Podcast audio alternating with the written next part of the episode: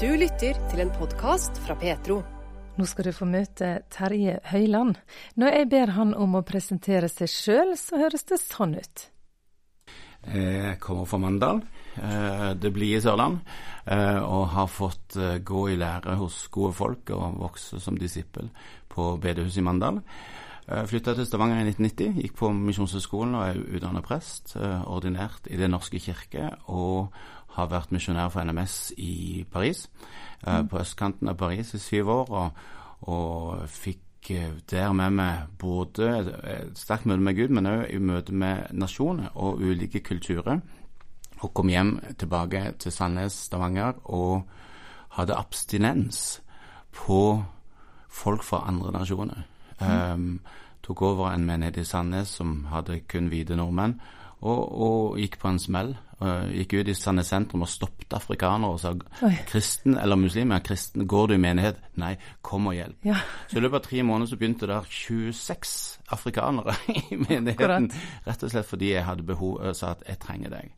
Så um, det er litt av min bakgrunn. Ja. Gift uh, og tre barn. Har blitt 52 år. Ja. Det syns jeg er stas. ja. mm. Du jobber jo nå da som internasjonal leder i Imi-kirka i Stavanger. Um, hva består den jobben av? Mm, vi er et team på fire stykk, uh, så er jeg en av fire. Og mitt hovedområde er Kambodsja. Har vi noen som uh, jobber på uh, på Thailand, noen på Albania, og så har vi Steve som jobber i alle andre land mm. uh, med Agenda 1. som vi, totalt sett så jobber vi ut fra IMI på litt over 20 land på tida. Mm. Og du er jo spesielt engasjert i eh, Kambodsja og misjonsarbeid og ledertrening der. Hvordan begynte IMI-kirka og dermed ditt sitt engasjement for Kambodsja, Terje? Ja, eh, i, Da leder Nordkirken Sandnes da ei ung dame kommer hjem fra team i Kambodsja. Og vitnesbyrdet som hun forteller fra hva Gud har gjort, går rett i hjertet mitt. Og så hører jeg Gud nesten sånn hørbart og veldig tydelig si at uh, du må reise til Kambodsja. Der har du mye å lære. Og, og jeg har hørt den samme nesten hørbare stemmen da jeg bestemte meg for å tro på Jesus, hvor stemmen sa 'jeg har ikke barnebarn, jeg har bare barn', var ute og sykla i Mandal sentrum.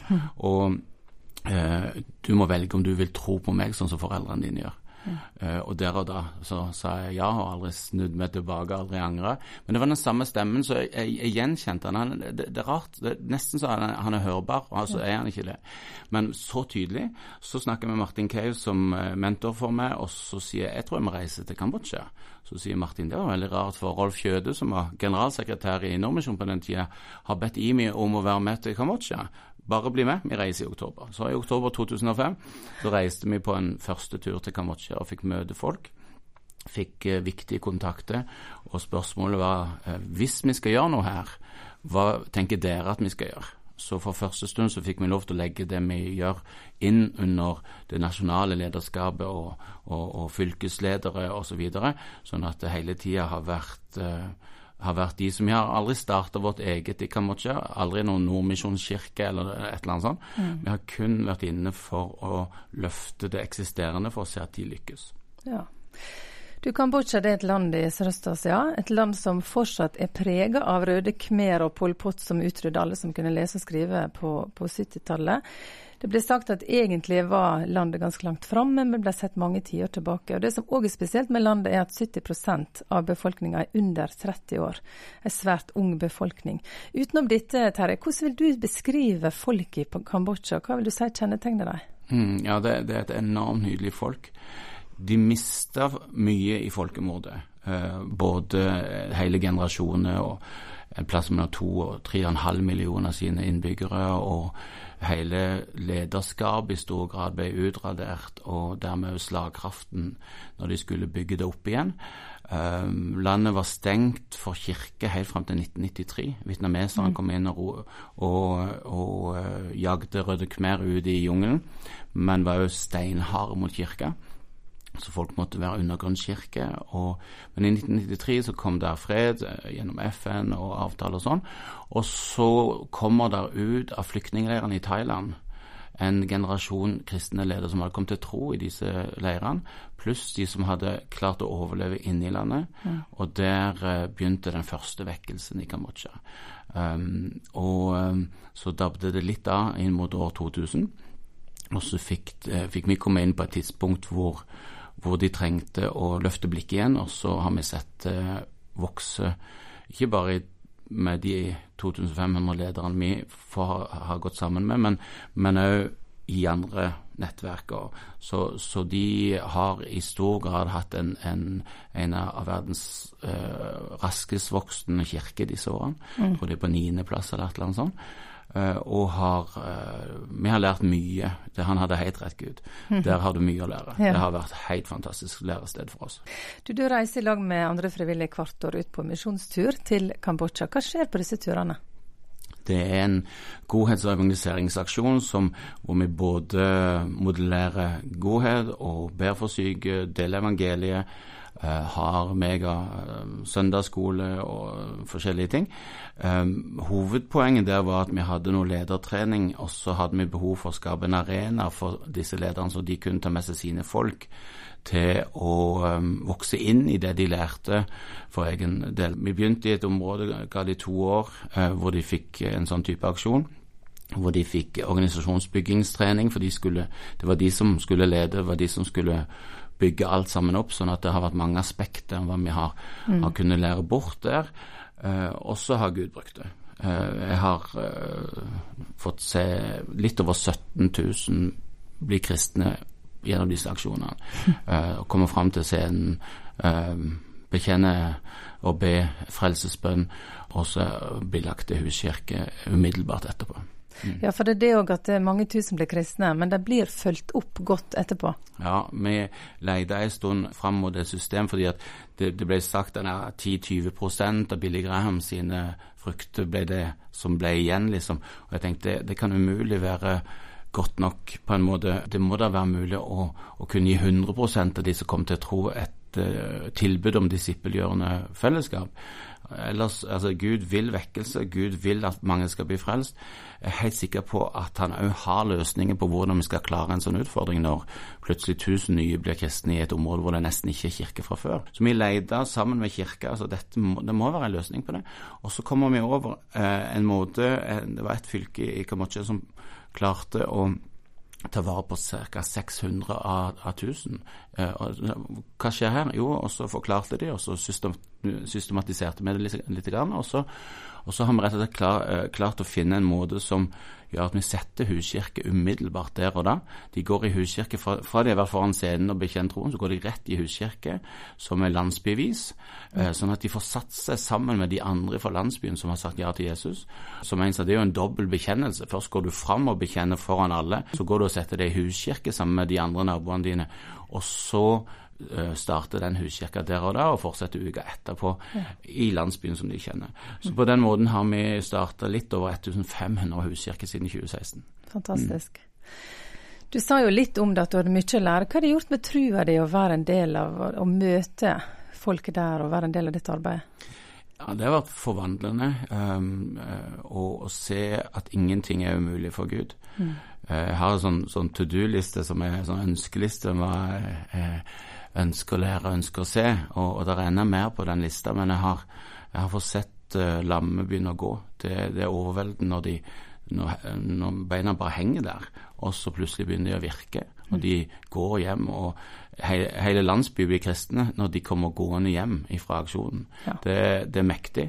Døve uh, har fått hørselen tilbake, blinde har fått uh, syn igjen. Alle disse tingene som vi leser med apostelens gjerninger, får vi se med egne øyne. Så det, det skaper jo en tro på at Gud er den samme i Norge. Så det, det skaper en tro på, på, at han kan gjøre det samme her.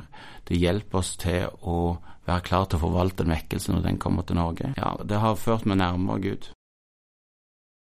Vi har sett det på Vigeland, i Asbury, og du sier at uh, vi må være klar til vekkelse. Mm. Um, kristne kommer sammen i enhet mer enn før, kanskje og gjør oss klar til vekkelse. Si litt mer om de tankene der. Det jeg har fått lov til å lære fra gjengen på Vigeland, har vært utrolig nyttig. Og det jeg hører Gud i stor grad sier ut fra Vigeland, er at jeg mente det når jeg sa at jeg kan bruke alt og alle. Mm. Eh, bare gi meg rom. Eh, bare gi meg rom. altså Fem brød, to fisker er mer enn nok for, uh, for Jesus når han får lov til å velsigne det. Og det skaper en tro, tror jeg, i store og små fellesskap. Om vi er såkalt veldig kompetente kompetent og dyktig og masse bra lovsang eller noe sånt, eller om det er veldig enkelt. Spiller ikke noen rolle. Invitasjonen fra Gud er 'gi meg rom', og så skal du få lov til å se. Og det merker jeg at stadig flere gjør i, i, rundt forbi, og Gud sier 'ok, da kommer jeg'. Og uh, spesielt kanskje på Vegårshei har det skjedd veldig mye i sommer. En person som jeg, jeg kjenner har ledet 65 stykker til tro i sommer. Jeg var sjøl oppe og fikk be fra ei gammel dame og som går til legen etterpå. Og legen sier men du har hatt demens, men det har du ikke lenger. Jeg må ta det av medisin. Der er um, ungdommen som kommer til tro. Der, um, der er en fyr som satt på møte på Vegårshei, og så hører han Gud sier du må gå herfra. Gå ut av møtet. Ja, så Han, han tusler ut i bilen og så sier Gud du må kjøre til neste, neste kommune, Gjerstad, og så skal du gå til den hytta der. Så han sier ja, jeg vet ikke hvor den hytta er, men jeg vet ikke hvem som bor der. Tre ganger stopper han langs veien og tenker ah, dette blir for dumt. Au.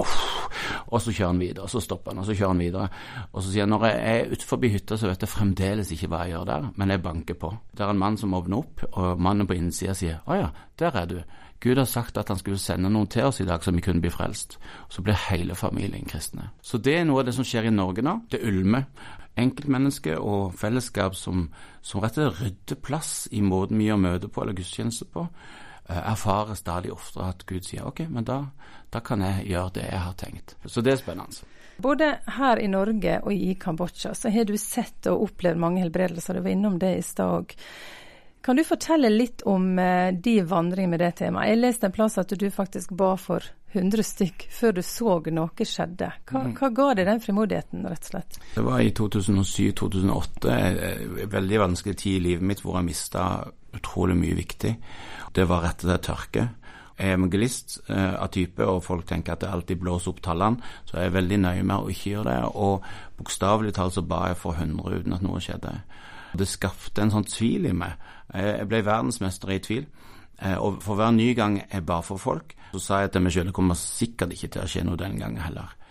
Og det var så frustrerende, fordi jeg leser Guds ord at det med tegn og under er en viktig del av å nå ut med evangeliet. At Gud eh, bekrefter forkynnelsen av sitt ord med tegn og under eh, blant de første kristne. Og, og, vi ser det videre i kirkehistorien hvor, hvor viktig det har vært. Og så var mitt eget liv alt annet.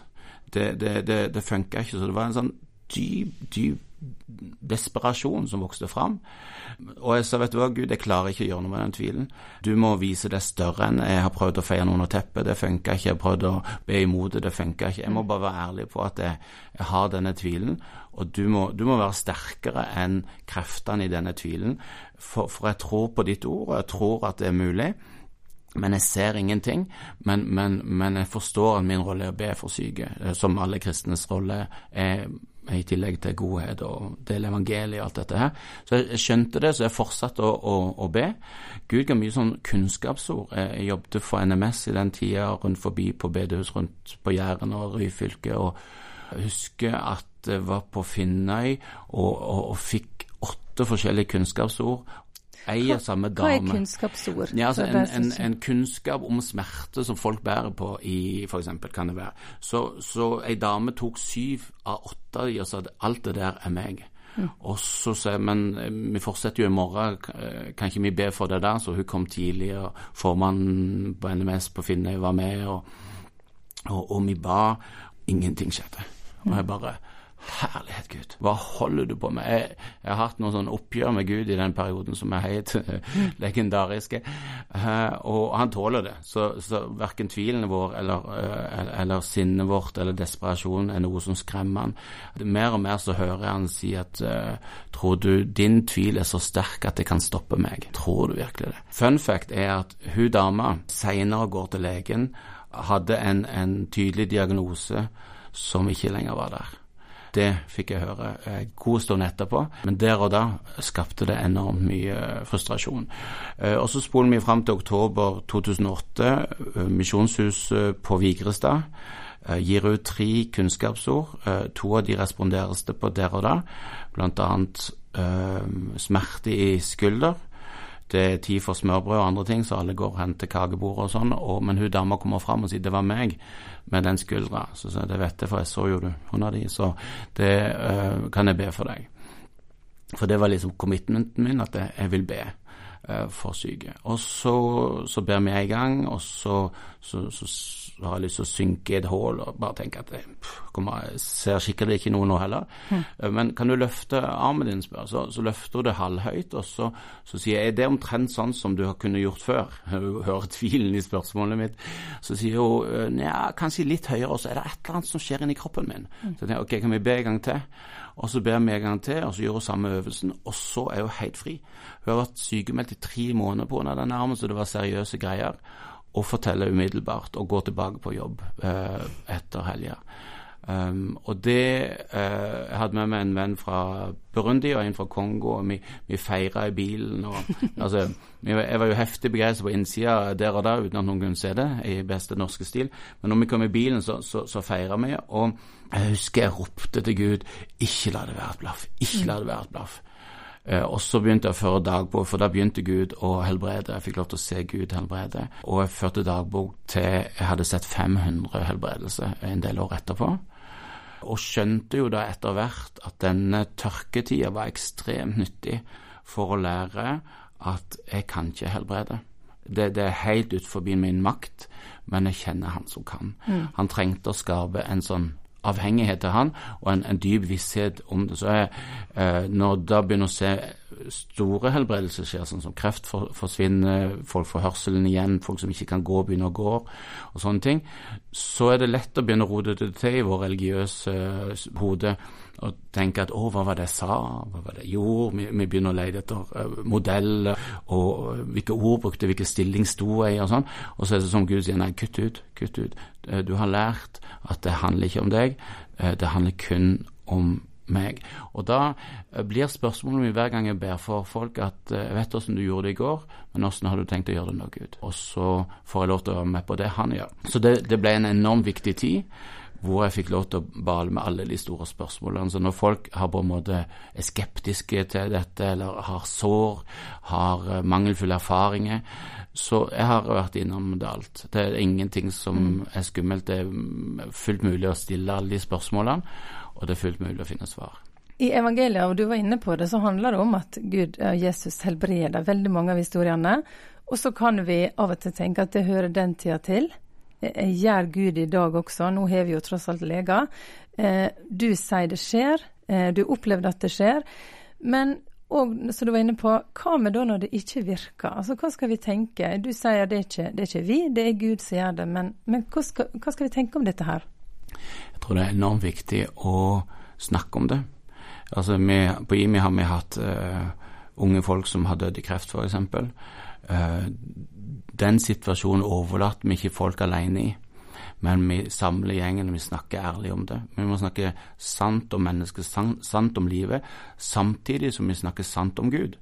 Uh, sånn at vi, vi, det, det, må være mulig i våre sammenhenger å si at dette er noe dritt, dette forstår vi ikke, dette er ikke greit. Mm og samtidig sier vi Gud helbreder i dag. Når vi bare gjør én av de tingene, så blir det usunt. Når vi gjør begge på en gang, så blir det sunt.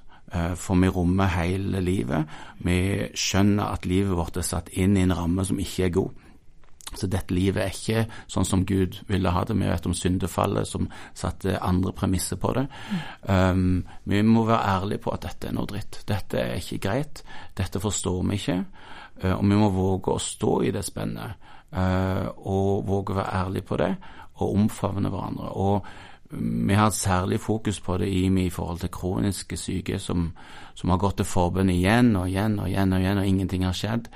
Og veldig ofte når vi har et fokus på helbredelse, så, så kommer noen av lederskapet fram og så si, men for dere som har kroniske sykdommer, må huske at Og så, mm. og så uh, må vi være i smerten over at det ikke har skjedd noe ennå.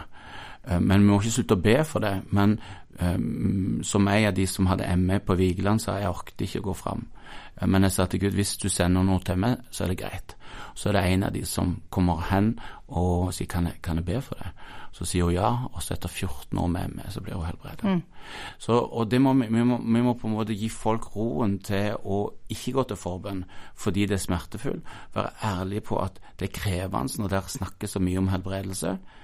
Vi må omfavne den smerten, men vi må ikke slutte å be fordi kanskje det ikke skjer noe. Eh, vår erfaring er at når vi begynte å be for syke, så skjedde det mye mer helbredelse enn når vi ikke ba. Og òg når vi ikke bare ba én gang, men som i historien fra, fra Vigrestad eh, ba flere ganger, så, så, er det ikke så sjelden at når jeg ber, så er det ingenting som skjer første gang, andre gang, tredje gang. Jeg husker bare fra ei ung uh, jente i rullestol på, på en NMS-leir Uh, og folk stimla litt til. og først, Så jeg sa nå, nå ber vi sånn som vi ber i Kamotje, jeg ber litt kort, og så tar jeg det i hendene og så løfter det opp og ser om beina virker. Hvis ikke det virker, så slipper jeg det ned. Høres det greit? Ja, vi var strålende fornøyd med det. Så første gang uh, tok hun opp ingenting. Uh, tredje gang ingenting. Femte gang ingenting. Sjette gang ingenting. Da gikk de fleste ut. Sjuende gang så grep Gud inn, og hun begynte å gå. Vi gir oss ofte for tidlig. og jeg, mitt spørsmål er skal vi be en gang til Gud? Og hvis jeg opplever at Gud sier, så gjør vi det. Andre ganger så må vi ta en pause og fortsette neste uke. og Jeg ber for folk på syvende året uten at noe har skjedd. Så vi må romme smerten, og, og, det å være familie gjør at det er mulig hvis vi snakker sant om livet og sant om Gud samtidig. Det er lov å mase på Gud. Det lover lov mase på Gud. Det er jo nydelige vers i Bibelen på det som er helt legendariske, hvor Jesus eh, gir oss historie om masing, egentlig, og knytter det opp til B, så skal du få led, så skal du finne bakpå, så skal det åpnes opp for det, som er jo en intens mase, masevers, egentlig. Ja. så han, han, tåler det, og jeg pleier å si at når noen blir syke, så er det også andres ansvar å mase. De, de, skal få lov til å hvile i å, håndtere dette som nå skjer, så det er resten av familien som må mobiliseres og ta ansvar. Det sa Terje Høiland, leder for det internasjonale arbeidet i Imi-kirken i Stavanger. Og det var ei, Anne Birgitte Lille Bøbø, som var så heldig å ha besøk av han i studio. Du har lyttet til en podkast fra Petro. Flere podkaster fra oss finner du bl.a. på petro.no og i Petro-appen. Der kan du også høre radiosendingene våre 24-7. Husk også at vi sender på DAB mange steder i Norge. Vi høres!